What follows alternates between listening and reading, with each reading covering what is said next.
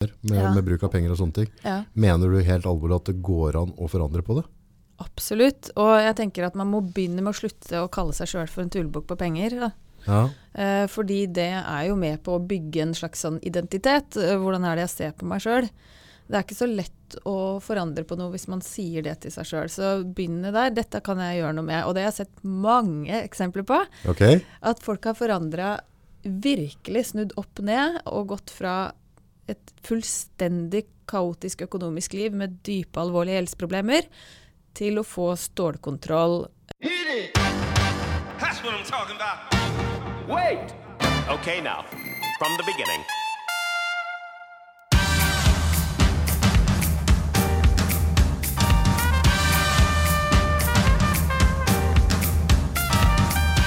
Går vi på alle? Alle. plugga slår.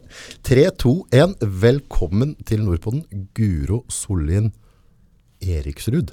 Tusen takk. Det var langt navn. Ja, det er litt langt. Ja. Sånn som jeg har gleda meg. Så bra. Det Ja, er ikke alle som gleder seg til å snakke om penger. Nei, men eh, jeg har, altså, jeg har altså, virkelig kjent på det. Jeg gleder meg skikkelig. Og det, så dette var en høydere, og setter veldig, veldig pris på at du tok turen opp til oss i Brumunddal. Takk for at jeg kom med. Nybakt forfatter. Ja. Ja. Penger. Hva er penger for deg? Oi, det var et stort åpningsspørsmål. Mm. Ja. Um, for det første så er jo penger noe vi må ha. Alle voksne mennesker må forholde seg til det. Og så kan vi jo like eller mislike det, eller synes at vi er gode på det eller dårlige på det, men vi slipper ikke unna det, da. Og det er kanskje derfor jeg er blitt så opptatt av det, fordi det er en del av livene til oss alle. Mm. Men det er jo veldig forskjell på hva slags rolle eh, penger spiller. Og det henger veldig tett sammen med hele livet, egentlig. da. Så jeg ser at ofte hvis eh, livet er trått, mm. så har det veldig ofte en økonomisk side, mm. som jeg mener vi snakker litt for lite om. Mhm. Mm. Og så er det store forskjeller på folk også i Norge. Det er jeg veldig opptatt av. Ja, for det er jo vanvittig variasjon på hva som er ok. Altså, nå vet jeg ikke om du er ei sånn diamantdame og, og kjører Ferrari. Nei, det er veldig langt unna det, det, det er ikke Rolex du har på armen der, liksom? Nei, det er et stykke unna, gitt. Så du er ikke der. Nei, ikke Så det hele tatt. lykken din er ikke bling. Nei, Nei, det har jeg faktisk. ikke dyr veskerøl? Nei, med hånda på hjertet. Aldri Oh. brydd meg om det. ass. Kult. Så mannen min syns nesten jeg er litt sånn irriterende billig drift, på en måte. Ja, og det tror jeg du skal være glad for. Jeg tror ikke han skal irritere seg over det. Det kan, det kan bli dyrt. Ja, det, det er det. Ja, men det er ikke rart. Altså, Vi, vi jager alltid etter penger. Uh, og jeg har tenkt mye på det. Jeg har, har for så vidt alltid vært en aktiv sånn at jeg har jobba mye. Uh, glad i å generere ting. Og så tenker jeg på, når er jeg fornøyd? Altså hvor mye må jeg ha utbetalt, eller hvor mye må jeg ha før at jeg sier at nå er det bra? Ja. Eller ender jeg opp i den der at jeg jager etter halen min? Du når det målet, så skulle du hatt det, og så skulle du hatt det, og så skulle du hatt det. For det er så fort gjort å flytte. Det er ikke så lenge siden den bilen var god nok. Men nå i dag kanskje er det neste. Så, jeg vet ikke, er det grådighet som tar oss, eller hva? Eller er det usikkerhet? Hvorfor, hvorfor blir... Ja, det er et veldig godt spørsmål, kanskje en kombinasjon. Men vi ser jo det der på både sånn individplan og samfunnsplan, at de fleste vil ha mer og mer, akkurat som du sier. Og det er jo som regel sånn at hvis man f.eks. får en lønnsøkning, Ja, så vil ikke de fleste merke det engang. For det på en måte bare liksom suges opp i en Forbruket bare- I forbruk, ja. Så at man nesten helt umerkelig bare girer opp og opp og opp. Og på sånn samfunnsnivå også, så har det jo vært på en måte økonomisk vekst et mål. mm. Hele tida hvert år, selv om vi ser at miljøet vårt f.eks. tar stor eh, skade av det. Mm. Så det er en sånn sirkel som er veldig vanskelig å stoppe. Mhm. Og vi ser det jo også på forskningen eh, at uh, dette med om du opplever at du har mye eller lite, mm. har ganske lite med de faktiske pengene å gjøre. Da. Mer med hvem du omgir deg med. Hvem sammenligner du deg med? Så det å være, ha lite blant folk som har mye, er mye, mye tøffere enn Ja. å bo i f.eks. en bydel i Oslo, hvor det er normalen. Ja. Så dette med sammenligning tror jeg kanskje er en, eh, en, et sånn nøkkelord. Er det der, da, er det der de kjøpekorta kommer? At du er i et miljø som, som kanskje har et høyt forbruk, men du har ikke en inntekt som matcher det. Og så kompenserer du med, med dårlig, dårlig handel, holdt jeg på å si. Ja, det tror jeg. Det tror jeg. Og de spiller jo opp på disse følelsene og disse drømmene i reklamene sine også. De vet jo på en måte eh, hvor de treffer oss sånn følelsesmessig. Sånn 'Å, jeg fortjener den ferien', eller 'jeg må ha det og det for å være vellykka', eller Så det er jo ganske sånn sleipetriks som de veit at uh, treffer mennesker. For selv om vi snakker om økonomi, Mm. så vet vi jo nå at de fleste av oss ikke styres rasjonelt. eh, når det gjelder penger heller. Nei, ja, Eh, og det trodde man gjerne før, men, som om mennesker på en måte var maskiner. Men det er vi veldig langt unna da, også på dette området. det er veldig mye følelser det når du handler ting og bruker penger. Veldig mye følelser. Også noe så på en måte kjedelig eh, som vaner. Ja, Det er så en kombinasjon av det. ja. Mm. Alle har vel sikkert hatt denne greia at du, i hvert fall jeg har kanskje gudene vet mange, men jeg kan ikke telle dem. Det har gått en ting, og så kjøper jeg en ting. Uh, gir meg veldig sånn lykke. Altså, siste modellen, kamera, linse, et, et eller annet, ikke sant? Et eller annet jeg synes er kult. Ja, ja. Får liksom en veldig høytur, setter meg i bilen, er på tur hjem, Mm. og så kjenner jeg magen bare Denne trengte jeg egentlig ikke. Liksom. Var, det, var det jeg brukte 20 000-30 000 på nå? Mm. Trengte jeg dette her? Mm. Men, men can't fucking help yourself. Altså, jeg, jeg gjør det likevel når jeg står der. Når jeg er inne der. Ja. Da, jeg liksom, da, da blir jobben mye lettere. Livet blir mye bedre. Ja. Altså akkurat når jeg kjøper meg Tror jeg at jeg kan kjøpe meg bedre liv. Da. Og det, livet er jo kanskje litt bedre etter det kjøpet, men det er bare det at det varer ca. et kvarter. Ja, Ja. ja det, det, Ja, kan ikke få med en halvtime da, i hvert fall. ja, Har du triks der? ja, faktisk. Altså, dette er jo ikke lett, men man kan trene opp evnen til å, å stoppe seg sjøl, da. Ja. I, I de øyeblikkene. Og ett triks er jo f.eks. å lage en regel for seg sjøl. At man aldri kjøper det første gang man ser det. Man går hjem igjen og tenker hvis jeg fortsatt tenker på det i morgen, så kanskje jeg skal kjøpe det. Får du med sånn elektrisk strømhals på nå? Ja, det hadde sikkert mange av oss hatt godt av. Men Jeg har jo vanvittig mye flotte historier på dumme handler. ja, du har det. Ja. oh. ja da, vi har vel det, de fleste av oss. Ja, så det, Men noen mer enn andre, selvfølgelig. da. Og for noen så blir det jo et alvorlig problem. Mm. Ja. Jeg vet hva, en gang jeg hadde solgt en båt, og så bare kjente jeg at uff, jeg skulle aldri solgt en båt, jeg skulle hatt en båt på havet. Og så tenkte på det, så begynte jeg å være litt på Finn, og så ordna styra, og så ser jeg plutselig et eller annet i Bergen. En sånn strukturbåt. Reiste over på natta, kikka på den. Uh, vanvittig flott lyd i motoren. Da kjøpte jeg meg en 90 fots stålbåt. og, og når du skulle fylle opp dieseltanka på den, så gikk det akkurat ett vogntog. 30 kubikk, 30 000 liter, fyll opp tanken. Jeg skjønner. Ja, så jeg kom hjem igjen, og så så kona på meg, og så hva har du kjøpt nå? Ja. Så, en båt. Ja. Jeg kom meg ut av dealen til slutt. Men det, det er sånn jeg tenkte, hva er det du driver med, liksom? Det er jo mange som shopper og holder det skjult, da, men det er litt verre å putte den båten inn i en skuff og holde skjult for kona, liksom. Ja, den, ja. så det, det, var, eh, det var liksom det en av de der brølera. Ja. Da kjente jeg litt på det dagen etterpå. Men hva har du skrevet i boka di? Eh, der har vi skrevet om nettopp disse ulike sidene av økonomi. Ja. For vi, både jeg og Arman Westad, som jeg har skrevet sammen med, Ja. eh, har både selv erfart og sett at vi kan ikke snakke om penger som om det er et, et teknisk på en måte spørsmål. Du kan jo være god i matte og Excel og regneark og sånne ting, og fortsatt ikke klare å håndtere økonomien din. Det kan jo være en fordel å mestre de tingene også, da. Jo, jo. Men derfor så skriver vi på en måte både lite grann om det presset på en måte vi blir utsatt for. Ja. Eh, alle de følelsene som styrer oss, alle de dilemmaene vi står i som mennesker, og ikke minst alle vanene. Eh, vi tar jo, uten at vi tenker over det gjerne, økonomiske valg mange ganger om dagen, hver dag. Ok. Og det er klart at summen av dem utgjør jo om dette går bra eller ikke bra, eller sånn midt på treet. Ja. Og så er det jo også sånn eh, at eh, økonomi som med røyking og slanking og you name it, er jo en typisk sånn som folk har som et forsett. da. Ja, nå skal jeg bli god. Og så varer det ikke så lenge, gjerne, da. Så vi skriver også kort om dette med endring av vaner. Og noen sånne tips og strategier da, for hvordan man kan få til å gjøre det man faktisk har bestemt seg for, istedenfor å bare falle tilbake til gammelt mønster, som er egentlig det mest vanlige. da. Det vanligste når mennesker skal forandre på et mønster, er jo at vi ikke lykkes. Ja. Ja. Men- Men, men man kan absolutt få det til. Ja. ja, men hvis den er en, en uh, tullebukk da, når det kommer til dette der, med, med bruk av penger og sånne ting, mener du helt alvorlig at det går an å forandre på det? Absolutt. Og jeg tenker at man må begynne med å slutte å kalle seg sjøl for en tullebukk på penger. Da. Ja. Eh, fordi det er jo med på å bygge en slags sånn identitet. Eh, hvordan er det jeg ser på meg sjøl? Det er ikke så lett å forandre på noe hvis man sier det til seg sjøl. Så begynne der. Dette kan jeg gjøre noe med. Og det har jeg sett mange eksempler på.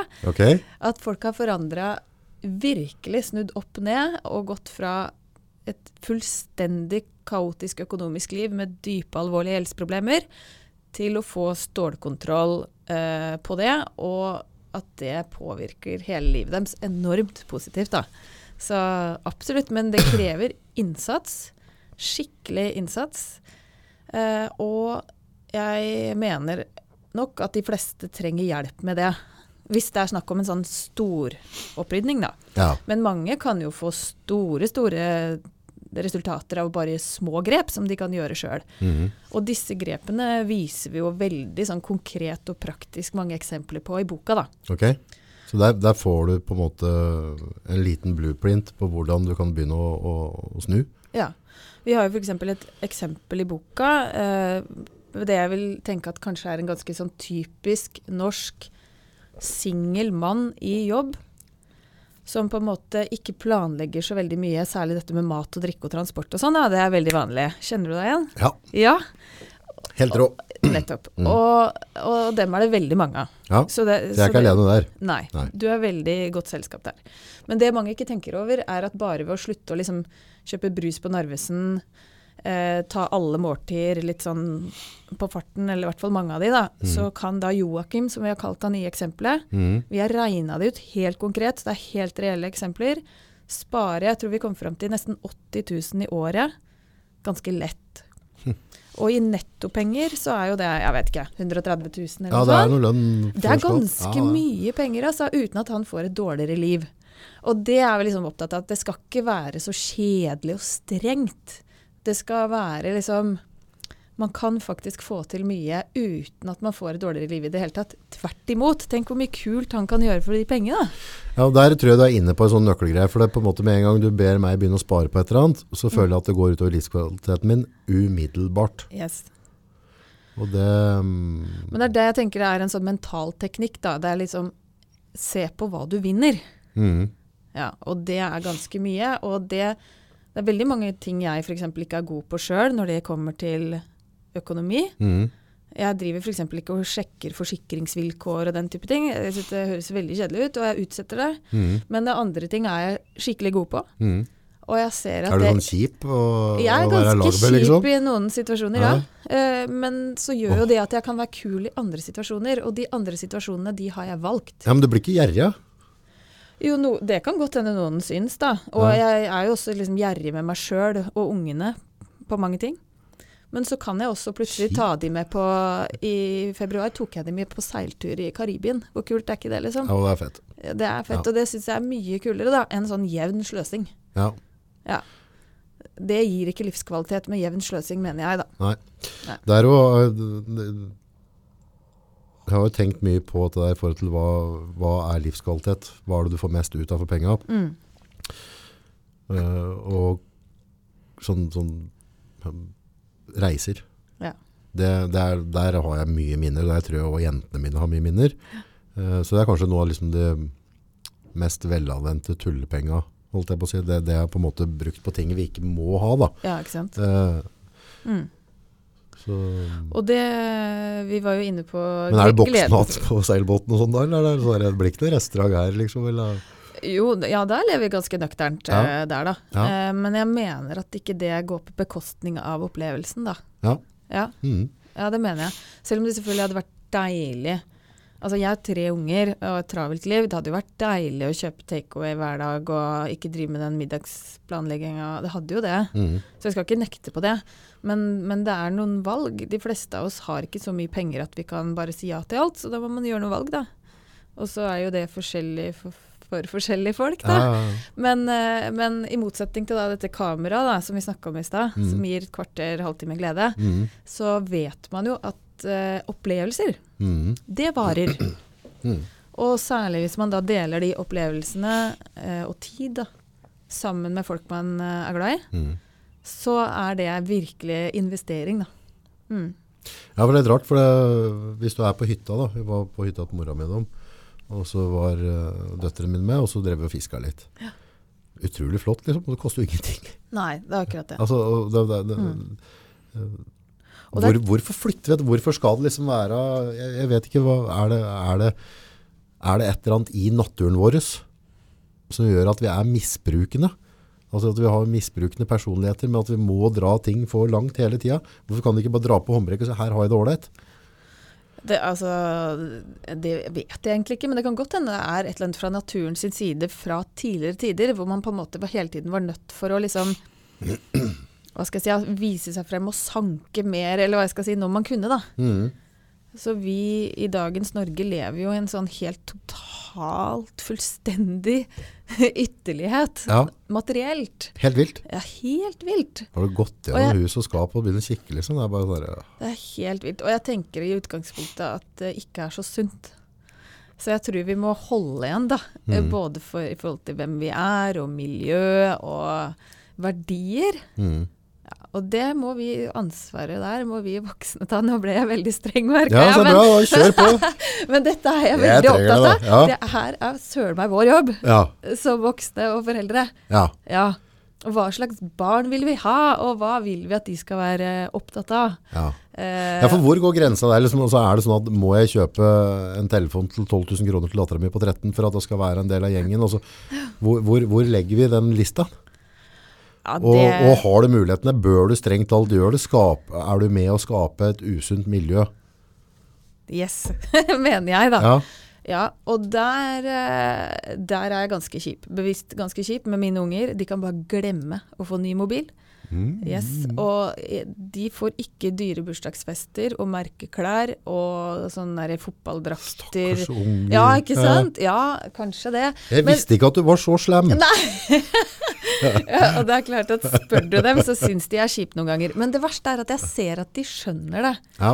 Og det handler både om dem, at jeg har lyst til å lære dem noe. Mm. Det handler om våre prioriteringer i familien, som jeg akkurat har snakket om. Det er jo summen av de valgene der som gjør om det blir Karibien eller ikke, Mm. for eksempel. Mm. For oss da, noen kan ikke velge Karibien hvis ja, man har veldig dårlig råd, så det, det er også viktig. Men det er også det at jeg føler et ansvar for ikke å være med på å gire opp de forbruksforventningene som er rundt mine barn. Ja. Eh, sånn at eh, jeg har ikke noe problem med å si nei med stolthet til de tingene der. Men hvis man har dårlig råd og ikke har muligheten, Mm. så tror jeg det svir mer å si nei. Hvis det gir mening. Ja, ja, Og- og, ja, for du, du har faktisk muligheten, men vi velger å gjøre det annerledes. Ja. I hvert fall akkurat nå så har vi det. Og så har det Mm. gått opp og ned med Mm. vår økonomi òg, bare så det er sagt. Men, eh, men eh, ja. Så, så det handler mest om å ta et valg. At dette vil jeg ikke være med på, for det her har tatt helt av. Men ungene mine har jo alt de trenger, og mer enn det. Mm. Og de Men- er bortskjemte på reiser og sånne ting. Men, men det er jo en sånn der, for de foreldra som sitter og hører på nå, da, og på en måte garantert har tenkt på det samme her. Du vil jo egentlig ikke, du vil jo egentlig ikke være noen av yttergrensene der. Nei. Altså, du vil jo helst være, altså, du vil jo ikke være hun som nekter om alt, sånn at de går liksom med, med høl i buksa og stoppa i skrevet, liksom, fra storebror. da. ja. Nei, bare fortsett. Du er ikke så ekstrem, er du det? Nei da. Nei, ikke det. nei, nei, nei. nei, men altså, det, det er noe med så Jeg ønsker jo at unga, unga mine skal kunne på en måte klare å, å være et sånn gyllent snitt Mm. i, i, i gjengen. Da. For det er, det er ganske tøft å vokse opp i dag. Det er tøft å være annerledes. Mm. Uh, det blir som en høneflokk. Du blir plukka på hvis du er litt annerledes. Eh, så det er litt vanskelig å vite hvor vi skal sette grensa. Det er kjempevanskelig. Ja. Og jeg har ikke noe svar på det, bare så det er sagt. Nei. Men det jeg er opptatt av, er at vi må reflektere over disse tingene her. Ja. Og vi må gjerne ta med barna våre også. Ja. Så når de spør om noe, da, og vi har en sånn indre diskusjon, sånn som vi foreldre ofte har, ja, nei, hva er fordeler og ulemper, kanskje vi kan på en måte ta med barna litt på de, noen av de diskusjonene også, for det Mm. lærer de kjempemye av. Og så lærer de også å liksom tenke over at ikke alle har like mye. Mm. Og det er jeg veldig opptatt av. Jeg tror, jeg tror ikke unga mine har øh, overflod av noe som helst. Men jeg er litt opptatt av at de må gjøre noe for det. Ja. At det, at det er på en måte som vi pratet på før vi gikk på kardemommeloven på en måte. Og det er litt sånn der, eh, er de kule, så er jeg kul. Er de kjipe, så er jeg kjip. Ja. Eh, Så det, det må på en måte kunne gå begge veier. Mm. Så, men vi har jo hatt noe, spesielt med Else, har hatt noen diskusjoner ja, rundt dette. hvem har ikke det? Ja, sånn der type Hva for noe her, da? Det var eh, hun, hun var med og jobba på en restaurant vi hadde her, og så, og så fant hun ut den lørdagen at hun ikke skulle være med og jobbe. Uh, for hun skulle være venninne. Og så ja, men nå har du alle kollegaer og sånne ting. Ja, men jeg er barn, liksom, jeg er tolv og det er barnearbeid og sånt. Ja, men det har ikke noe å si, du har gjort en avtale. Og da var hun veldig standhaftig, for hun skulle være med de jentene. Så ja, men greit, men da gjør du et aktivt valg nå. Men jeg kommer ikke til å betale telefonabonnementet ditt, det stenger vi, og telefonen tar jeg. Ja. Uh, og så, så ja, Airpods, nei, dem har du kjøpt selv, så dem er dine. Ja, men den telefonen er min. Nei, det- altså, det er noe jeg har kjøpt, noe du bruker. Jeg betaler abonnementet, men det, det blir ikke aktuelt. Jeg betaler ikke telefon til en slyngel som ikke holder en avtale. Har du sagt at du skal møte opp på jobb klokka ni, så møter du klokka ni. Ja. Hvis du begynner der, så bomber du det og får du far din. Altså, da, da blir det ikke noe mer. Ferdig. Så det ble litt sånn der, uh, hun, hun hentet han inn siste minutt idet jeg var på tur ut døra. Så sto hun klar, og så var hun litt furten, hadde fått på arbeidstøy og var klar til å stå i oppvasken. Men uh, så pratet vi litt rundt det da, og så sier jeg, men, øh, ja, men du, du eier jo ikke meg, jeg er mitt eget menneske. Nei, jeg gjør for så vidt ikke det, for da mente jeg liksom, ja, hvis jeg plukker en blomst på skolen, da er det din blomst liksom. Ja. Så ja, men det, det har noe med å gi og ta, og vi må holde avtaler, vi må jobbe for ting. Den telefonen kommer ikke av seg selv. Hvis du er med å ta oppvasken, jeg slipper han og andre ansatte som står og tar den, så er du verdt en telefon. Ja. Og sånn kommer det til å bli senere i livet. òg. Jeg kan jo ikke bare drive og betale abonnement og kjøpe telefoner i hytt og gevær, Ja. og så skal hun bare ligge og glasse seg. Ja, og det tror jeg Hun glemmer jo ikke det der, hun. Nei, den satt, men det, det var noe tårer og noe snør. Altså, jeg var antageligvis verdens mest useilige fyr. Ja. Så kom vi i gang, også, hadde jeg fått jobba en time eller to, så var det greit. ikke sant? Ja. Men det er noe med å stå til rette for handlinga sine, og enhver handling har en konsekvens, positivt eller negativt. Ja. Og det tror jeg er litt viktig Og man må gjøre noen valg, man må gjøre noen prioriteringer, og penger kommer ikke gratis for de fleste av oss. No such thing as a free lunch, som amerikanere sier. Mm, Nettopp. Ja. Og det tror jeg unger er veldig godt av å lære. Ja. Eh, og alt i sin tid, selvfølgelig. Ja.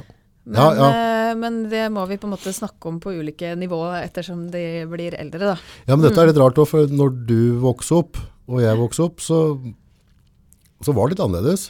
Ja, Det, det var, var mindre kjære mor hos meg. Mm. Si sånn. Altså, det var ikke, jeg var ikke den som fikk nye bukser. Jeg fikk arve. ja. Eh, og, Mm. og jeg husker jeg hadde lyst på Levis bukse, det var helt greit. Men det bare å plukke sten, så kjøper du den sjøl. Yes, det var sånn jeg hadde det Ja, så det var ikke noe Men hun hadde ikke penger heller. Nei. Nei, det var Mm. ikke sånn at hun kunne bare liksom slenge ut masse penger over noe styre. Se var- bare en sånn ting som barnevakt. Det var jo sånn klassisk Ja, ja, fra jeg var ja, lita. jobbe. Alle vi jentene, eller veldig mange av oss, var jo barnevakt så fort vi bare kunne for å tjene egne penger. Og tok mye ansvar. Når jeg tenker på det etterpå, herlighet så liten jeg var eh, Ja, ja, ja. da jeg begynte å ta mye ansvar for å tjene litt grann penger, da. Var ikke Men de nå penga gode? Jo, helt fantastisk. Det er Egne penger. tjente penger. Ja, Kan du kjøpe hva man vil for de. Mens nå har vi jo på en måte søkt etter barnevakt sjøl. Det virker ikke som det er så mange tenåringer i dag som sitter eh, barnevakt. hjelper. Du har sånne fedre som meg da, som sitter og bare gir dem penger allikevel, så trenger de ikke. ikke sant? De Nei, slipper. det er det. Det er for dumt. Det syns jeg er veldig synd. Mm.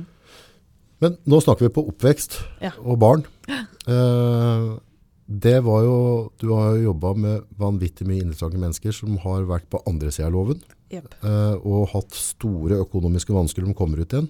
Dem har jo òg vært barn en gang, Mm. Ja. eh, og vært utsatt for et miljø. eller altså Gudene vet, Det er ikke godt å si hvorfor folk havner der de havner. Mm. Men det syns jeg var veldig veldig spennende å høre at du prata om. Det du jobba med der. For det, det er jo både sterkt og interessant. Og, og det er jo ikke en A4-jobb. Der, der må du dele av sjela di sjøl for å Ja. få gjort en forskjell. Hva slags prosjekt jobba du med der? Fortell oss litt rundt det. Ja, jeg, det begynte i 2008, eh, da jeg studerte kriminologi. Krimono... Oi, Ja. klarte ikke å si det engang. Nei, Nei, ikke ikke sant? sant? Hva er det for noe? Ja, eh, Det er jo læren om de som begår kriminalitet, da, på en måte. Universitetsstudium. Jeg var journalist. Hæ? Ja. Og merka at det som engasjerer meg mest, er å skrive om kanskje de fæle, triste tinga. Ja, ja, ja. Rusmisbruk og prostitusjon og kriminalitet og asylsøkere som uh, har fem år av barndommen sin i asylmottak og sånn. tenkte jeg må få litt mer sånn kompetanse på noen av disse tingene jeg skriver om. Og så tenkte jeg det er for dumt å sitte og lese bare om en gruppe mennesker jeg har så lite kjennskap til. Så da fant jeg da Røde Kors, nettverket til soning, Ja. som da er et uh, tilbakeføringstilbud for straffedømte. Og det er da et tilbud for straffedømte som sjøl ønsker å komme seg ut av rus og kriminalitet. Men som vi var inne på i stad, eh, det å ha et ønske om det betyr ikke dermed at den saken er gjort, for å si det sånn. For det er en veldig lang vei da for mange. For det er en ganske stor sjanse for at du, at du havner i den gjengangerstatistikken hvis du først blir låst ned, er det ikke sånn? Veldig stor sannsynlighet. Og veldig mange er jo også rusmisbrukere, så de har jo på en måte det med seg også, da. Ekstra bagasjen. Ja. Hva er det som er største grunnen, tenker du, til at det blir gjengangere? Eller altså, har, du noe, har du noen ting du har lagt bedre merke til, der vi kunne jobba Mm. bedre i samfunnet? Uh, nest, veldig, veldig, veldig mange har en trøblete oppvekst. Ja. Så jeg tenker at grunnen blir lagt der for mange. Og så, men kanskje hovedgrunnen når de så slipper ut igjen, tenker jeg kanskje er en kombinasjon av uh, manglende sunt nettverk. Altså de har kanskje bare venner uh, som også er kriminelle og ruser seg. Mhm. Eh, og at de på en måte ikke har de der vanlige tinga på stell. Uh, og der er økonomi en av de tingene. Det Ja, for der har du jobba aktivt. der har jeg jobba aktivt. Og det, jeg hadde jo ikke peiling på dette sjøl, egentlig. eh, Men jeg oppdaga, sikkert fordi jeg er journalist, da, jeg liker å stille spørsmål, da. Ja. Uh, så jeg oppdaga på en måte at utrolig mange sliter med økonomien sin. Store, store gjeldsproblemer. Som igjen påvirker dem så negativt at de faller tilbake til rus og kriminalitet. Selv om de egentlig har jobba masse for å få livet ellers på beina.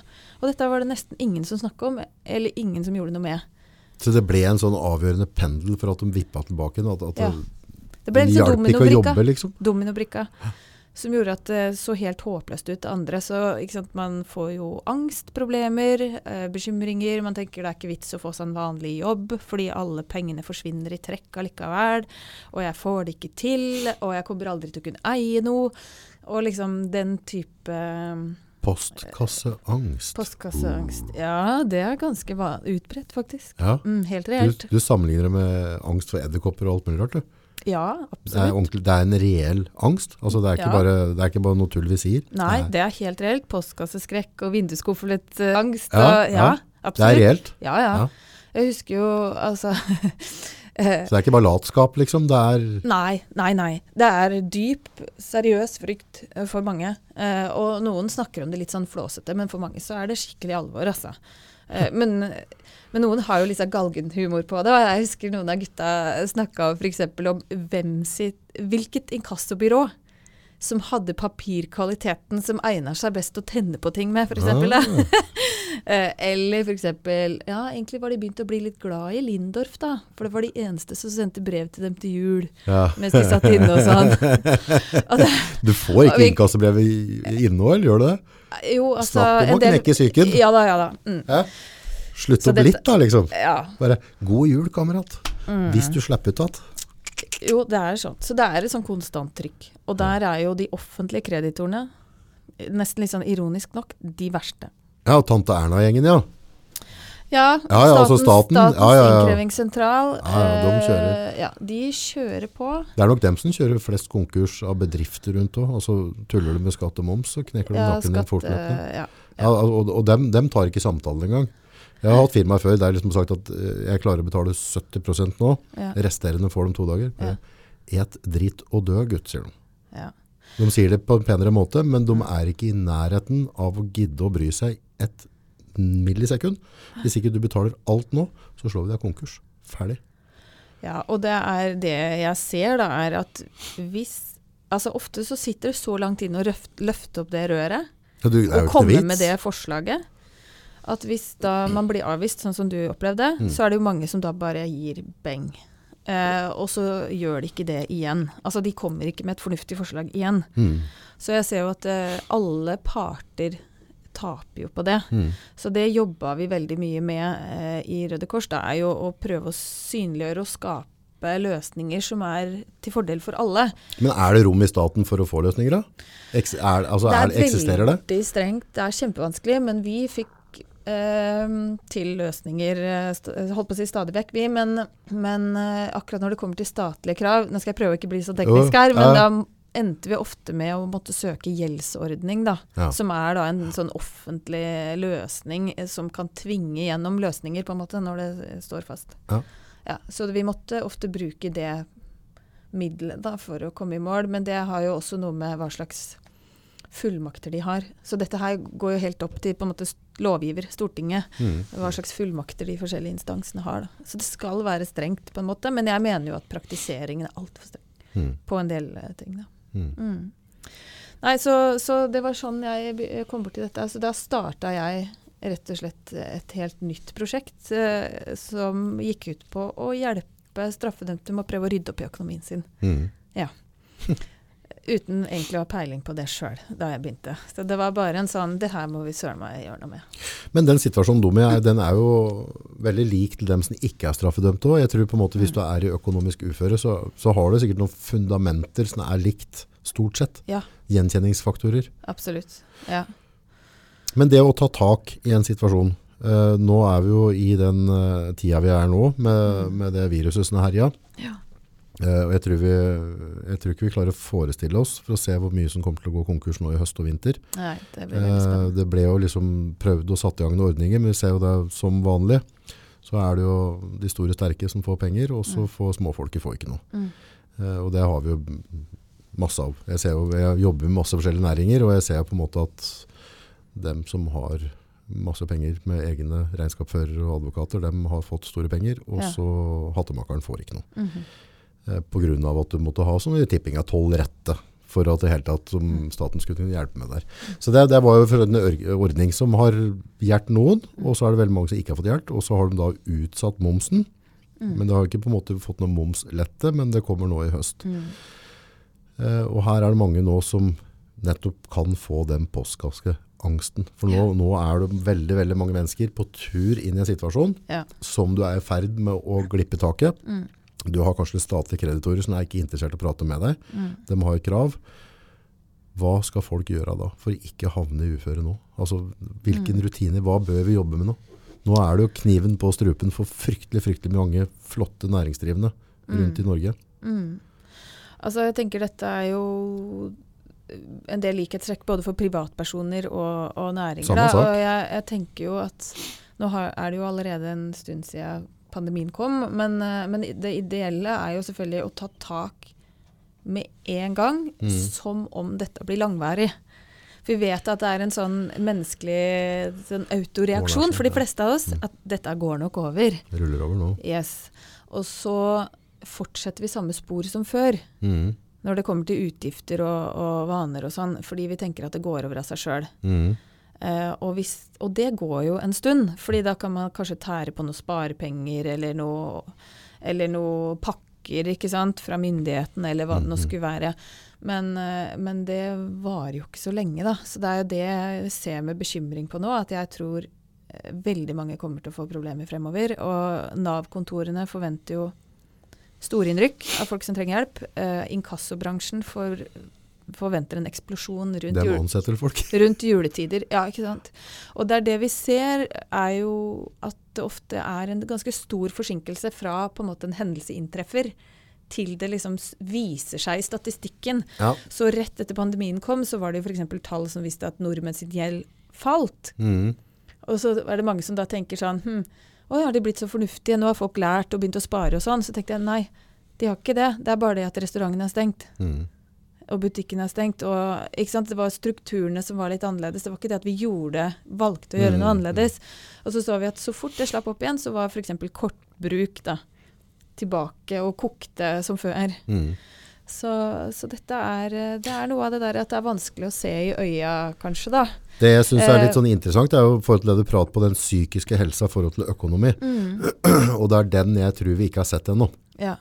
For, eh, for om du er privat eller en næring, eh, vi tåler på en måte en viss mengde motstand og juling, og så til slutt så, så begynner du å bli sliten Ja. og slippe taket. ja. Eh, og det er der kanskje jeg er litt usikker på hvor mange kommer til å, å si at nå, nå har jeg fått nok i høst. Ja, og det som er så synd Ja, ja uff, det er forferdelig. Jeg er veldig, veldig spent på hvordan dette skal gå.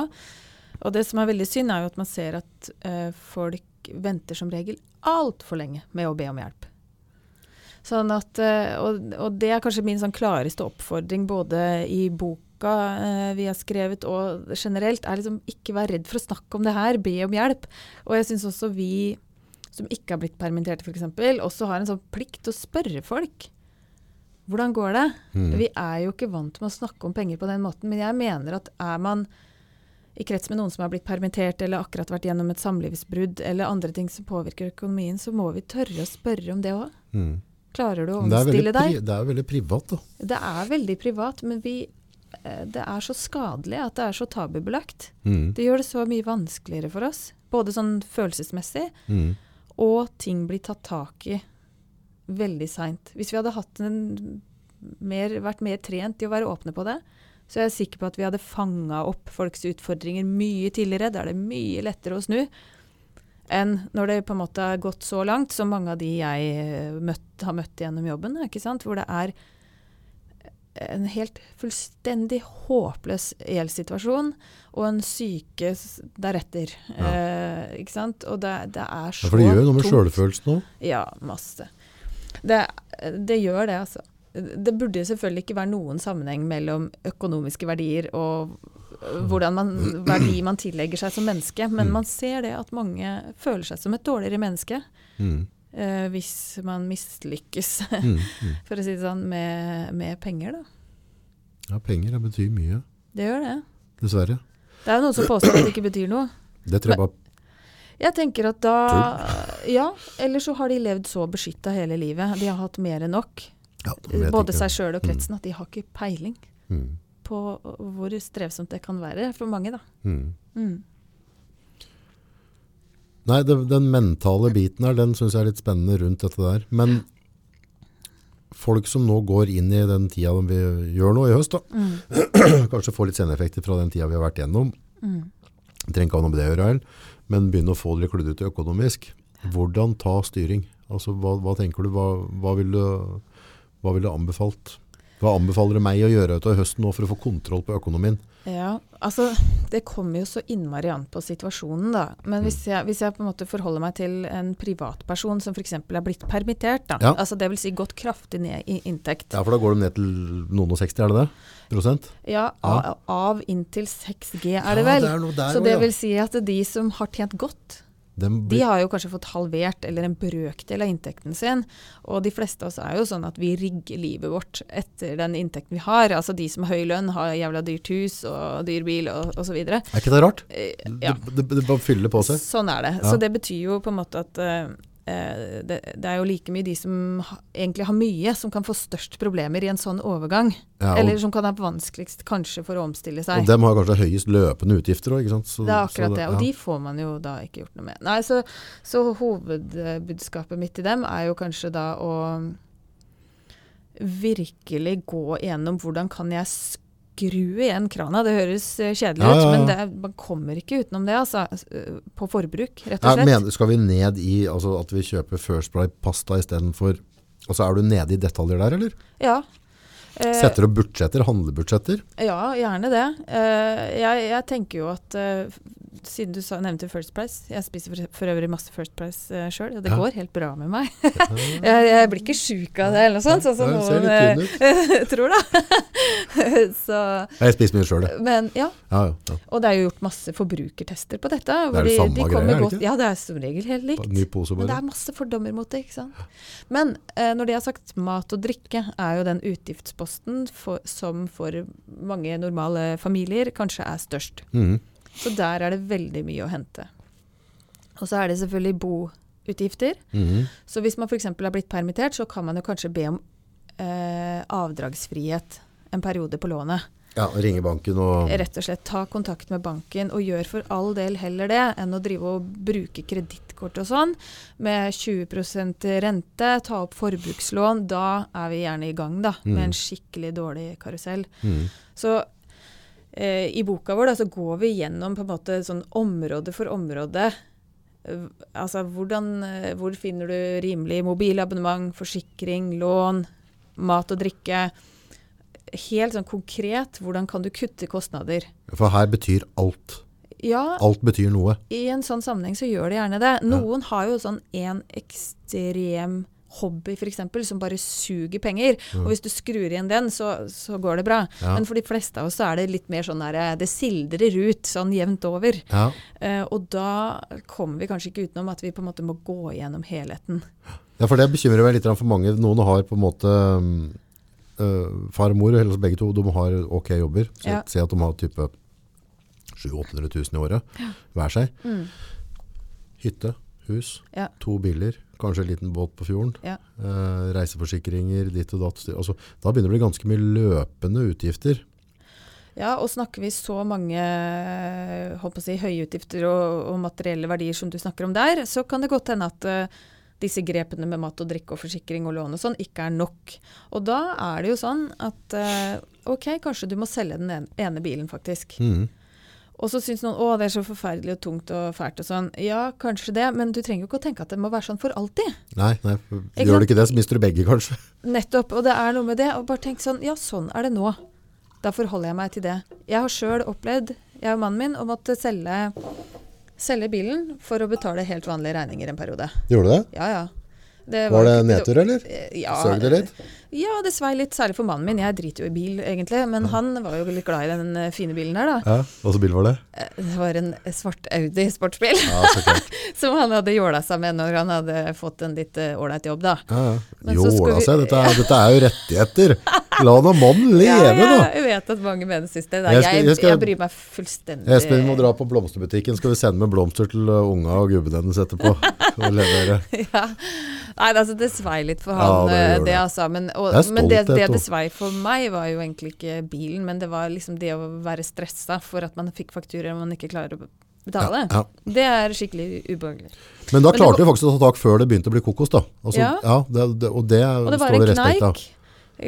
Det var en kneik, og så, og så kunne vi kjøpe inn en, en bil igjen uh, seinere, da. Nei, så det var tilbake til disse som har veldig mye, som du snakka om, da. Da Ja. tenker jeg man må kanskje se i øya at det er bedre å selge bilen nå, for eksempel, da, enn å la dette balle på seg. Eh, en annen eh, inntektskilde som veldig mange glemmer, er jo at man f.eks. La oss si man eh, har ei hytte, da. Mm. Det er jo et pengesluk som for de fleste av oss bare står der. Ja, Den er ikke i ja. bruk engang. Nei. Den kan man leie ut. Airbnb videre. Ja, den kan man leie ut. Og det er ofte ganske mye penger å hente på den type inntekter. Og vi har jo til og med leid ut bilen og bobilen og byttelånt leiligheter og Ja. alt mulig, for å få. For å få mest mulig ut av det. Og jeg tenker det går det er bare litt gründerskap, egentlig. Ja, du må se etter muligheter, da. Men Prøve å komme deg ut av det der uff, dette er så fælt og sånn. Hvilke muligheter har jeg med de verdiene jeg har, og de ressursene jeg har? Og så er det jo ofte sånn at hvis du er utenfor jobb, så har du mer tid. ja. Og da kan du på en måte Hvordan kan jeg omsette den tida her til enten å tjene noen ekstra kroner, eller å spare noen ekstra kroner? Mm. Og det tenker jeg at uh, man må prøve på, selv om selvfølgelig jeg vet at det kan være mentalt tøft osv. Det er en annen sak. Men det det koker litt ned til, er jo når du prater på at uh, stakkars vakre mannen din måtte bli kvitt bilen sin. Men, men det det koker ned til, er jo noe med å forstå at det er normalt å kunne ha dårlig råd i perioder, men det trenger ikke være sånn resten av livet. Nettopp. Og, og klare at ikke det blir en sånn stolthetssak. At jeg klarer ikke det, altså, Hvis jeg viser at jeg selger denne tingen her nå, så er det liksom Jeg mislykkes i livet. Folk kommer til å le av meg herifra til Moss. Men det er normalt. Det er normalt for familien din, det er normalt for meg, det er normalt for Espen. Altså, de aller fleste har hatt perioder der det ikke passer å ha to store biler. Ikke sant? Det Du trenger ikke å være mislykka for det. Absolutt ikke. Og der tenker jeg det er kjempeviktig hvordan snakker vi om det her til oss sjøl, eh, sammen med partneren, til ungene.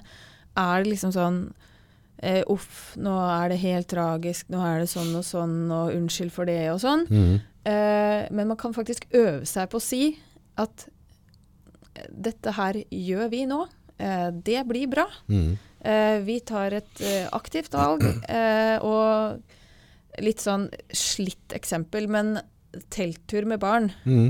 er som regel et minne Ja, ja, ja, som slår det meste. Ja, ja, ja, ja. Og da, men da er det jo oss, eh, vår oppgave da, å formidle det med sånn stolthet og glede, istedenfor at det er sånn nedtur. da, eh, Istedenfor å dra på sydentur. Jeg vet at det er et litt godt brukt eksempel, men, men, Jo, jo, men, nei, det er men- men- mange sånne ting i livet. Vi kan velge hva slags perspektiv har vi på det. Du toucher vel noen grunnverdier som er helt avgjørende her nå? Det er det. Ja. Kjøper jeg First Price fordi jeg på en måte er fattig og må, Mm. eller kjøper jeg det fordi jeg er såpass smart at jeg ikke lar meg lure Mm. eh, av de som har dyrest reklamer og mest fancy emballasje?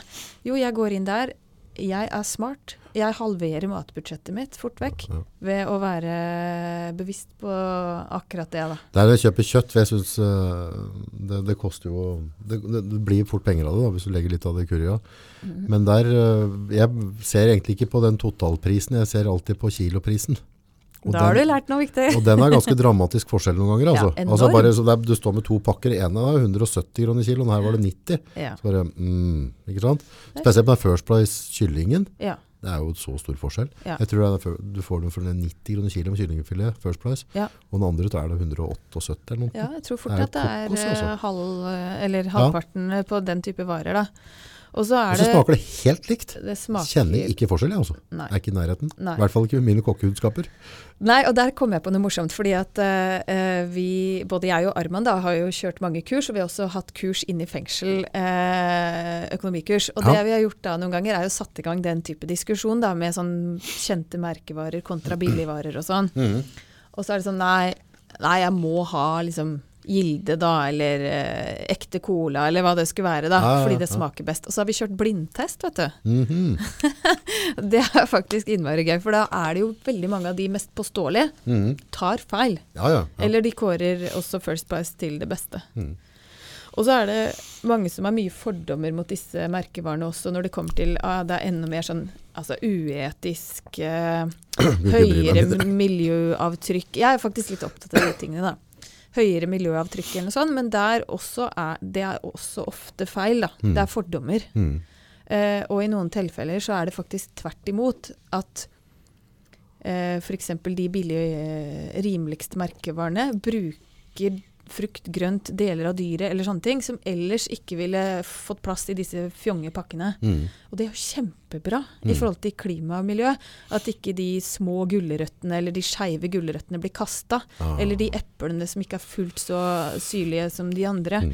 De blir solgt som de rimelige eh, merkevarene. Mhm. Det er jo helt topp. Ja, Eh, og i andre sammenhenger så er det ofte veldig likt. Mhm. Mm. Nei, Behandlerne er ganske lite såpete sånn. Men jeg har jo i perioder tenkt sånn at uh, ja, om du tar den varen eller den varen, og så, så, så går et skritt tilbake igjen da. så øker den varen her livskvaliteten min egentlig? Ja. Jeg, for, altså, vil dette forandre hverdagen min? Så bare, nei, og da er jo egentlig svaret der. ja. Altså hvis den øker livskvaliteten, Mm. hvis den pølsepakka av de pølsene er så himmelsk gode, Mm. og det gjør, det gjør hele kvelden min, ikke det kanskje det er verdt da, å betale 30 kroner mer for dem. Men det er noe med også... Der er jeg så enig, og der er det jo mange som misforstår. Da, for jeg har fått et par kommentarer etter den boka da, hvor vi på en måte har gjort noe hyggelig med noen, og så ja, det her er vel ikke helt i din ånd, Guro, liksom. Eh, Så bare jo, det er jo akkurat det det er. Altså hvis det her Du koser deg med det. ja, Én, du koser deg med det. To, du har råd til det. ja, Helt topp. ikke? Du har valgt Ja, det. ja. Jeg har ikke noe sånn Jeg har ikke noe svar på hvor mye Problemet er jo at alle de valga vi egentlig ikke tar, for vi bare, vi bare går som robot, og så gjør Bare vi det gjør bare. det. Ja. Vi bare gjør det. Og, Og da, da, er det, da sitter det noen andre og tjener gode penger på at vi ikke har penger. nettopp. Så, Så det er på en måte to ting det koker ned til som jeg er ekstremt opptatt av. Det, det er jo at de som er i en sårbar situasjon, ja, får både den konkrete kunnskapen de trenger, og den liksom følelsesmessige og vanemessige på en måte treninga og bevisstheten mm, til at de kan ta valg som harmonerer med lommeboka. mm.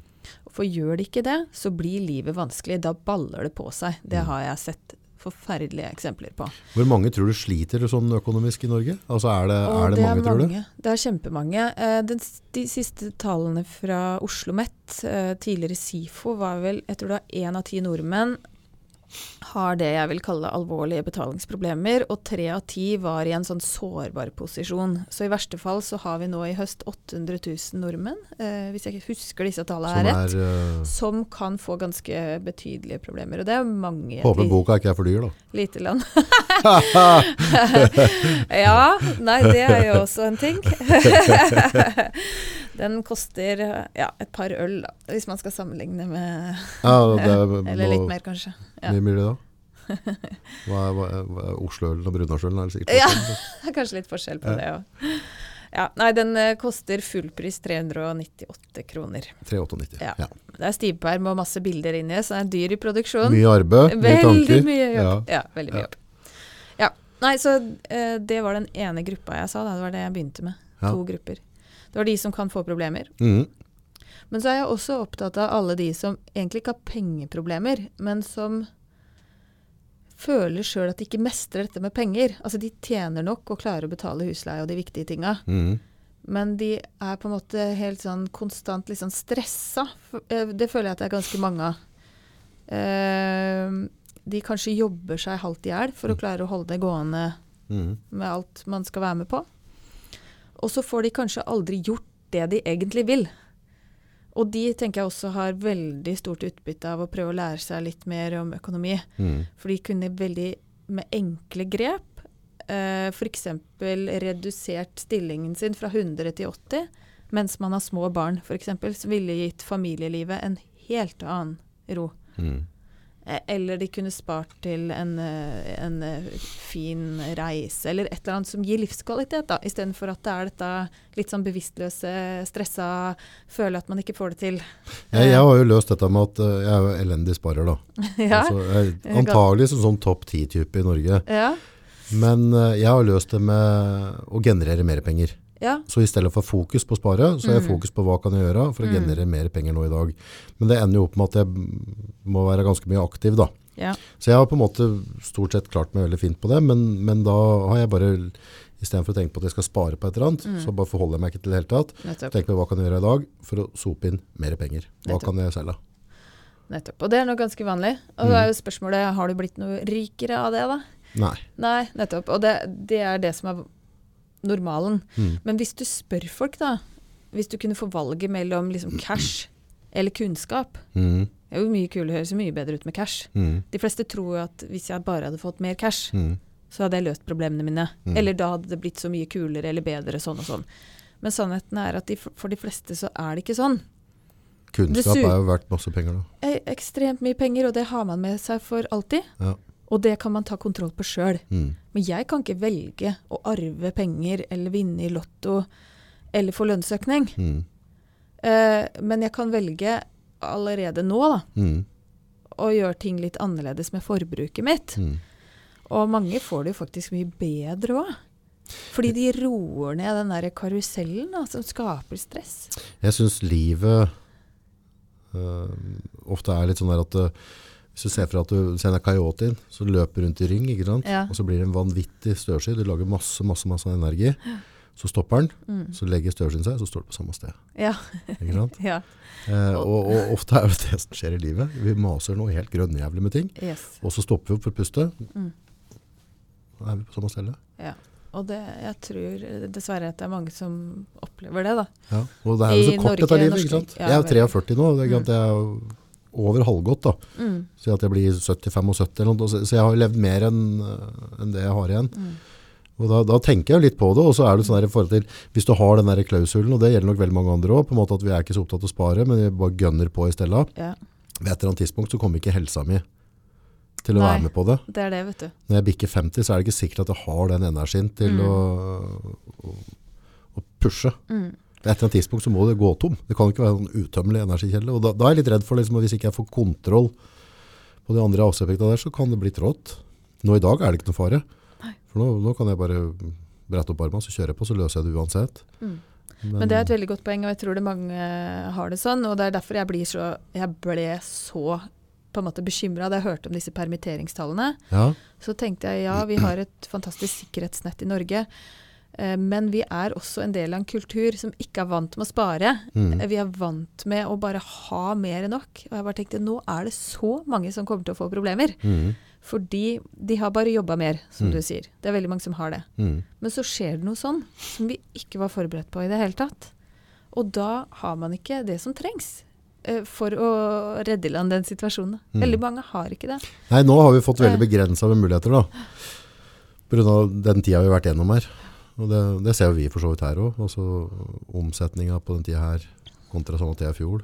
er Kanskje under en tredjedel. Ja. Så, men jeg vet at det hjelper liksom ikke å grine. Man må bare Mm. brette opp armene og gunne på. Da. Ja. Men det er da jeg tror mange hadde tjent veldig mye på å se på hva har jeg faktisk kontroll over. Man har ikke kontroll over pandemien og Nei. en del andre ting, da, men man har kontroll over sine egne vaner og valg. da. Eller man kan ta kontroll over det. Jeg sier ikke at det er lett. Uh, men samtidig vil er, blir mange overraska over hvor lite som skal til òg, da. Før det blir helt annerledes. Ja, jeg tror Den største frykten er at, måte at hvis jeg skal følge rådene dine der nå, da, Ja. eh, og så skal jeg følge, så får jeg et pruppstusslig liv. Det blir kjett. Liksom, jeg Ja. mister all, alle gledene mine blir borte. Du får ikke det, vet du. Men det, da. Men det er da du må tenke over hva er det som faktisk gir meg lord, og sitte og tromme på en boks ute i skogen med telt. Og, Ja, ja, ja. Eh, Hva skal jeg si? Det har jeg aldri gjort, i hvert fall. sånn. Nei da, men det er mange som tror det, vet du. Ja, Eh, Og hvorfor er det sånn? Hvorfor tror vi med en gang vi sier at nå For det, det du sier, vær smart. Mm. Altså bruk huet. eh, ta forhåndsregler. Bruk penga på en mer fornuftig måte, sånn som andre folk som har penger. For de bruker penga på en fornuftig måte, de aller fleste av dem. Eh, og så blir det på en måte Første tanken min da er liksom ut med kløa. Liksom, nå skal du ta fra med all gleden i livet. Ja. Nei, jeg tror jo tvert imot at mange av de som tar grep, eh, opplever faktisk det motsatte. Fordi det skjer en sånn prosess hvor man faktisk tenker over hva er viktig for meg. Ja. Og da blir det kanskje mer til det. Mens du bruker mindre på det som uansett ikke betyr noe. Mm. Eh, og det er en, tror jeg ville vært en enorm verdi for Mm. veldig mange. Da. Mm. Altså at de ikke bare får kontroll på økonomien sin, men de også får mer til det som er gøy. Mm. Eller som gir mening, eller som er viktig. Og et sånt ord som trygghet, det høres jo innmari kjedelig ut, men sannheten er at vi trenger det jo alle sammen. Ja. Så det er en enorm verdi, selv om det høres kjedelig ut. Mm. Uh, og et ord som sparing også, ja, veldig kjedelig, men, men spør folk ja, gir det trygghet å ha litt penger i reserve, f.eks. Uh, kunne du ønske deg det? Ja. Ja, Mm. selvfølgelig. Det er, det er ikke kjedelig, det. Nei. Det er bare veldig lurt og godt. Ja, for det er noe med å, å, Mm. å ha det trygt og ha det godt og ha det ha det ålreit i livet. da. Ja. Ja, vi prata jo med han eh, som sikkert er en av dem som har mest penger utpå her. Ja. Arthur Bokhart. Ja. Og han sa jo det at liksom, det var prat om penger. Så han sa det, du må, må ikke tenke på penga. Du må, du må ha det ålreit og drive med noe du trives med. ja. Han sa hva han sa? Hvis du bare jobber For for penga. penga, så blir du fattig. Ja, Ja. Ja. Mm. enkelt og greit. Og det er det jeg tenker at man kan fylle livet med verdi, da. Ja. For å snakke litt sånn store ord. Eh, på mange måter. Eh, og at eh, vi kan ikke Det er enklere hvis man har eh, litt penger, men man kan ikke kjøpe på en måte Nei, alt er ikke penger. Nei, Nei, det er ikke det. nei for det, hvis du bare tenker penger, så bruker du ofte altså, ja, Nei, det, det, er, det er høna lege. Ja.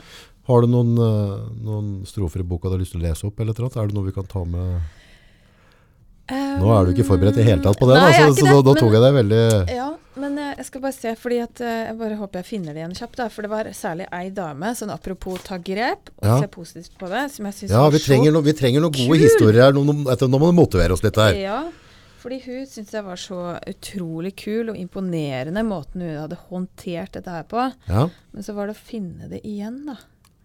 Så passer bra å lese, for prat på du må jo lage øh, lydbok. Ja, Ja, det hadde vært gøy. tror ikke det? Ja, Tror du noen hadde hørt på? Ja, Ja. jeg er helt sikker på. ja. Dette er jo altså uh, Mat og drikke er veldig, veldig viktig. Mm. Uh, og uten penger så blir det ofte ikke mat og drikke. Altså penger er altså Folk kan si penger er ikke alt, men penger er forferdelig mye. Mm. Eh, og det trenger ikke være bra å ha for mye av det, og det er slett ikke bra å ha for lite av det. Men det å klare å finne en gylne middelvei, den er veldig, veldig viktig. Altså. Det er kjempeviktig. Der, vet du. Side 40. Lite penger ble en gave for familien. Aha. Mm. Ok. Eh, da Siv gikk kraftig ned i inntekt, fikk familielivet seg et løft. Ja, Det handler altså om Siv, som hadde jobbet i ti år med samme virksomhet eh, da den ble lagt ned. Hun fikk sluttpakke, og der igjen, det vi snakka om klassisk, økonomisk gikk det sin gang som før. Hun gjorde ingenting, selv om hun visste at sluttpakka tar jo slutt en dag. Men da hun gikk over på dagpenger, gikk hun kraftig ned i inntekt, fra 30 000 til 23 000 utbetalt i måneden. Og dette er jo er veldig sammenlignbart med hvordan mange har det nå med permitteringer Det er jo, osv. det er jo nesten 30% ned. Det er voldsomt. Og det, det er sånn realiteten er for mange, da.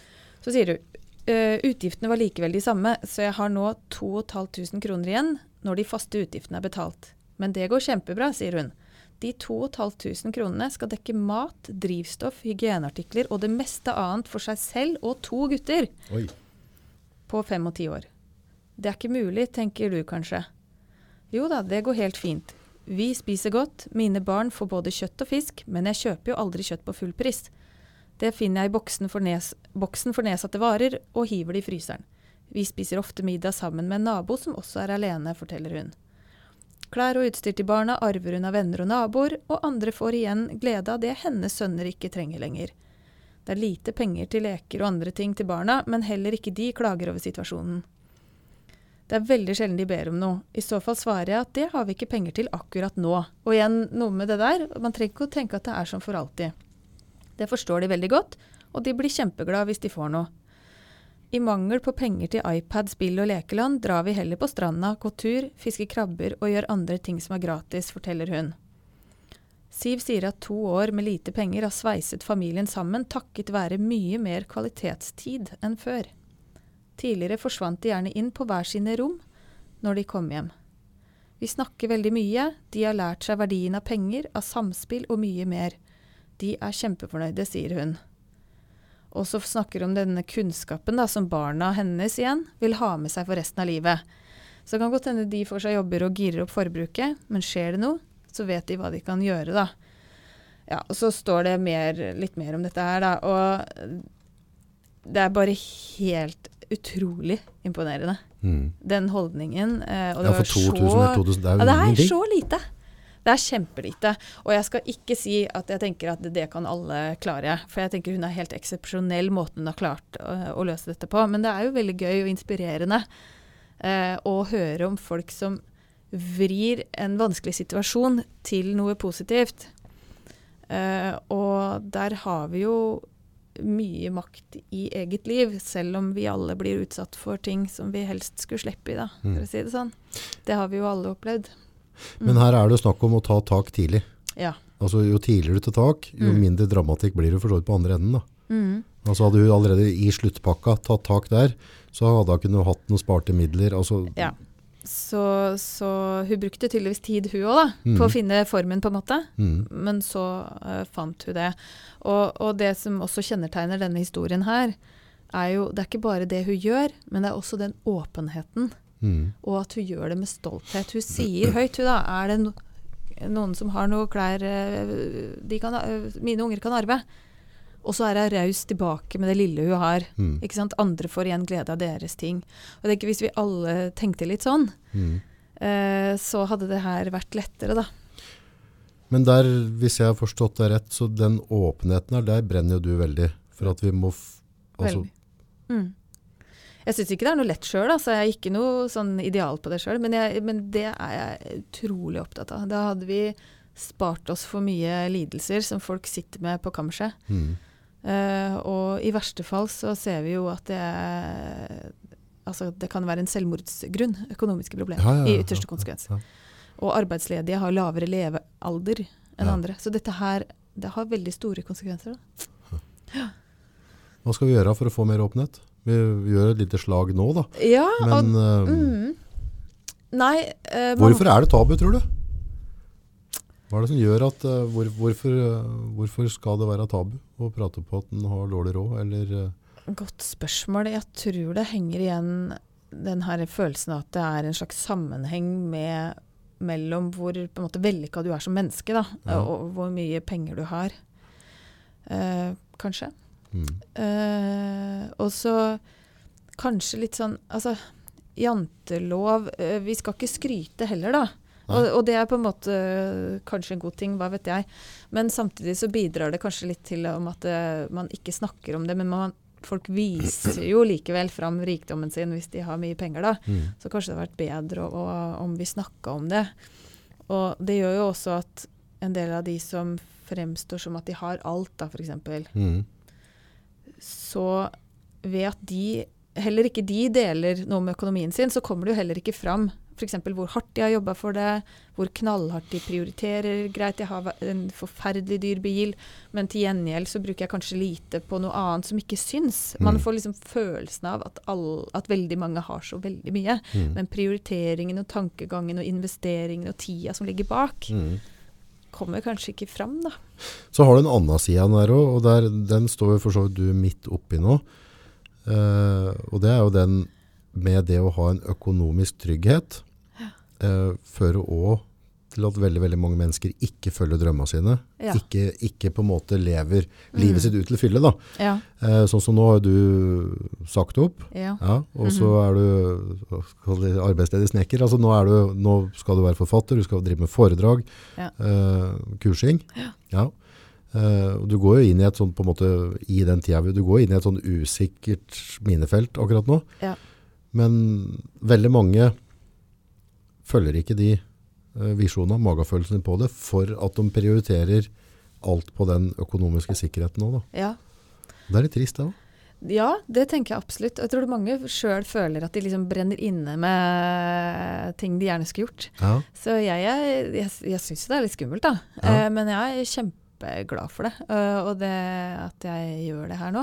Har du gjort noen forberedelser, sånn økonomiske på en måte? Har du allerede begynt å stramme inn litt? Og, Ja, altså eh, Vi er vant med å, å leve ganske sånn nøkternt i hverdagen fra før, så det er ikke noe stor eh, overgang eh, sånn sett. Men jeg velger jo f.eks. å ikke leie meg noe kontor. Mm. Jeg sitter jo og jobber på biblioteket, jeg har alltid med meg kaffe og matpakke og liksom Oi, Ja, ja, oi. jeg gjør det. Så jeg liksom tenker ja, sånn for du har jo med termos i dag. Ja, ja, alltid. Det er min Pass på å fylle den opp her etterpå. da. med gratis kaffe. Ja. Ja. Penger rett i lomma. det. Ja, det er det, vet du. Nei, altså, En ting er at jeg eh, knapt tjener penger nå, men Mm. da må jeg jo i hvert fall prøve å holde utgiftene nede, da. Og så er jo vi akkurat nå en sånn privilegert uh, situasjon. Altså, vi er jo to voksne, Mm. men han har for så vidt også starta for seg sjøl. Oi, Ja. Det voldsomt. Men vi har, en, eh, vi har litt leieinntekter. Eh, og så har vi, solgte vi hytta for et par år siden og tenkte nei, nå drar vi til Spania et år istedenfor. Mm. Så vi prøver å forfølge drømmene våre, altså. Mm. Selvfølgelig får vi masse vi ikke får til av planer og ønsker og sånn. Masse. Men uh, vi er uh, opptatt av det, og prøver å gå for det som er viktig for oss. Ja, er det ikke det? Ja, Og så drite i resten. Og følge Ja. drømmen. Ja. Men uh, det er det, men det er liksom der, ja, bare så lenge det er forberedt på baksida av medaljen der. mm, Det kan være mye, mye tygging av tenner på natta. Og, Ja.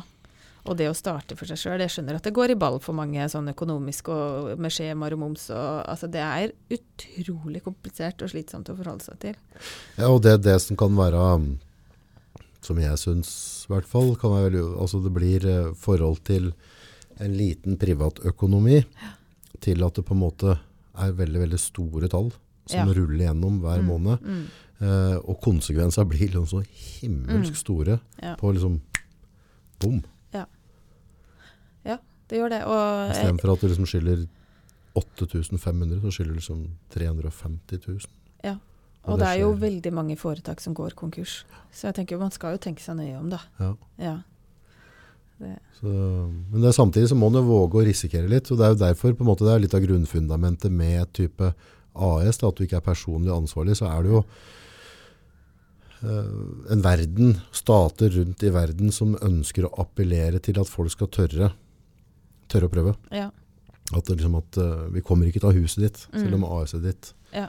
Eh, så det er litt det ligger litt i korta, at det, er, det er lov å feile litt òg. Ja, og særlig i disse tider så er det jo sikkert mange av de som er permittert, de kommer kanskje ikke tilbake i jobbene sine. Eh, så da er det sikkert flere som snuser litt på om de kan starte noe sjøl, vil jeg tro. Mm. Mm. Det blir veldig spennende å se hvordan det går med deg framover. da. Jo, takk. Har du fått noen bookinger ennå? Ja, altså jeg har noen foredrag eh, på gang. Ja. Eh, for flere fylkesmenn, eh, fagsamlinger for Nav-ansatte bra. Ja. Så det er jo gøy, da. Da får man nå ut eh, til en gruppe som jeg er opptatt av. Da. Ja. Ja. Du hadde jo, det ligger ute på YouTube på, på TED Talk. ja. Ja, der, der syns jeg du gjorde en uh, vanvittig flott jobb. Også på engelsk. Ja, guri malla. Det, det var eh, Da var jeg svett, for å Det sånn. det måtte sånn. du kjenne før du gikk på scenen der. Ja, det skal jeg love deg. Det satt mye folk i salen Jeg nå. var livredd. Ja. Ja. ja, mange i salen. Og veldig store kameraer. Og veldig skummelt. Ja. Det var deilig følelse etterpå, eller? Og gjennomført det. Ja, det var jo det. Eller var du den som jeg skulle ha sagt ditt, jeg skulle ha sagt dakt, eller hadde du klart å forberede deg så godt så du Nei, jeg var utrolig godt forberedt, for å være Ja. helt ærlig. Ja. Ja, det var jeg. Eh, Men eh, det er klart jeg skulle ønske at jeg var mye mer komfortabel med engelsk. Eh, apropos selvsnakk. Jeg sånn, Mm. skulle ønske at jeg var liksom morsommere, kulere, penere. Ikke sant? Man begynner å Men, Mm. Ja, ja. men jeg gjorde det. Nei, men jeg syns engelsken din var kjempebra, og så, og så, så, jobba du med tonefall, og, og så det var ja. det, Jeg følte at det var Det fløt veldig godt, da. Så jeg, jeg lot meg inspirere. ja, tusen takk. Det var hyggelig. Ja, nei, det er jo et privilegium, enten det er eh, på en scene eller i en bok, å få lov å formidle noe man er engasjert i. Ja. Så da må man jo bare si ja. ja. Ja. og så får man ta jobben det innebærer etterpå. Ja. Stilig. Ja. Sånn på tampen, ja. Uh, hvis dem som sitter og hører på nå, har, noe, altså har du lyst til å sende med noe hjem igjen? Altså ting vi kan tenke på nå i den tida vi er nå, for nå er det mer aktuelt enn noen ganger akkurat nå i høst, uten tvil. Mm. Mm. For å ta kontroll, privat økonomi, hva kan vi gjøre enkelt uten at det på en måte blir for store ringvirkninger? Ja, man kan jo bli overveldet av alle råd, da. Men sånn, hvis jeg ser for meg en sånn vanlig økonomi, en vanlig livssituasjon, så ville jeg kanskje først sett på boutgifter og matbudsjett. Ja, eh, av de konkrete tingene. Og så tørre å snakke om det hvis Mm. man syns det er vanskelig. Be om hjelp. Men når du sier matbudsjett, bare for å avbryte igjen der, Ja. hva, hva, hvor lite kan du bruke på altså en familie på fire? Hva, hva, altså, er, det sånn, er det en grense? Hvis du handler lurt, er det sånn, det, du klarer deg fint på 4000 i måneden, eksempelvis. Altså, har du noe tall der? Så vi har noe sånn at vi har noe å gå ut ifra. Ja, kanskje der- sånn 4000-5000 eh, på en familie. Da mener du at da skal vi ha god næring, Ja, gode, man, mette og, og vettu mat. ja. Men, men det krever litt eh, kunnskap og planlegging, det gjør det. Ja, Mm. Men det er jo også noe som kan bli en vane igjen. ja. Ja. Eh, og man kan spise enda billigere òg, altså, for all del. Men, men jeg tenker sånn hvis man ser for seg å handle på en vanlig butikk og Med 5000 kroner så går ikke det utover livskvaliteten. Nei, det tenker jeg at det ikke trenger å gjøre. Eller det vil si, hvis du er genuint opptatt av mat, og da liksom ikke lenger kan kjøpe en eh, god ost, eller ikke sant, så er det litt kjedelig. Mm. Men da tenker jeg at da er det kanskje valget ditt, da. Mm. At eh, for meg er mat viktig. Så da kanskje jeg må legge meg på 7000 i måneden, f.eks. Mm. Men så dropper jeg istedenfor Jeg vet ikke. Begynner Ja. å sykle til jobben Ja, ja. istedenfor Ja. å ha busskort. Men alt handler om valg, da. Ja, det er det det gjør. Mm. Og da har de fleste, tør jeg påstå, ganske stort rom Ja.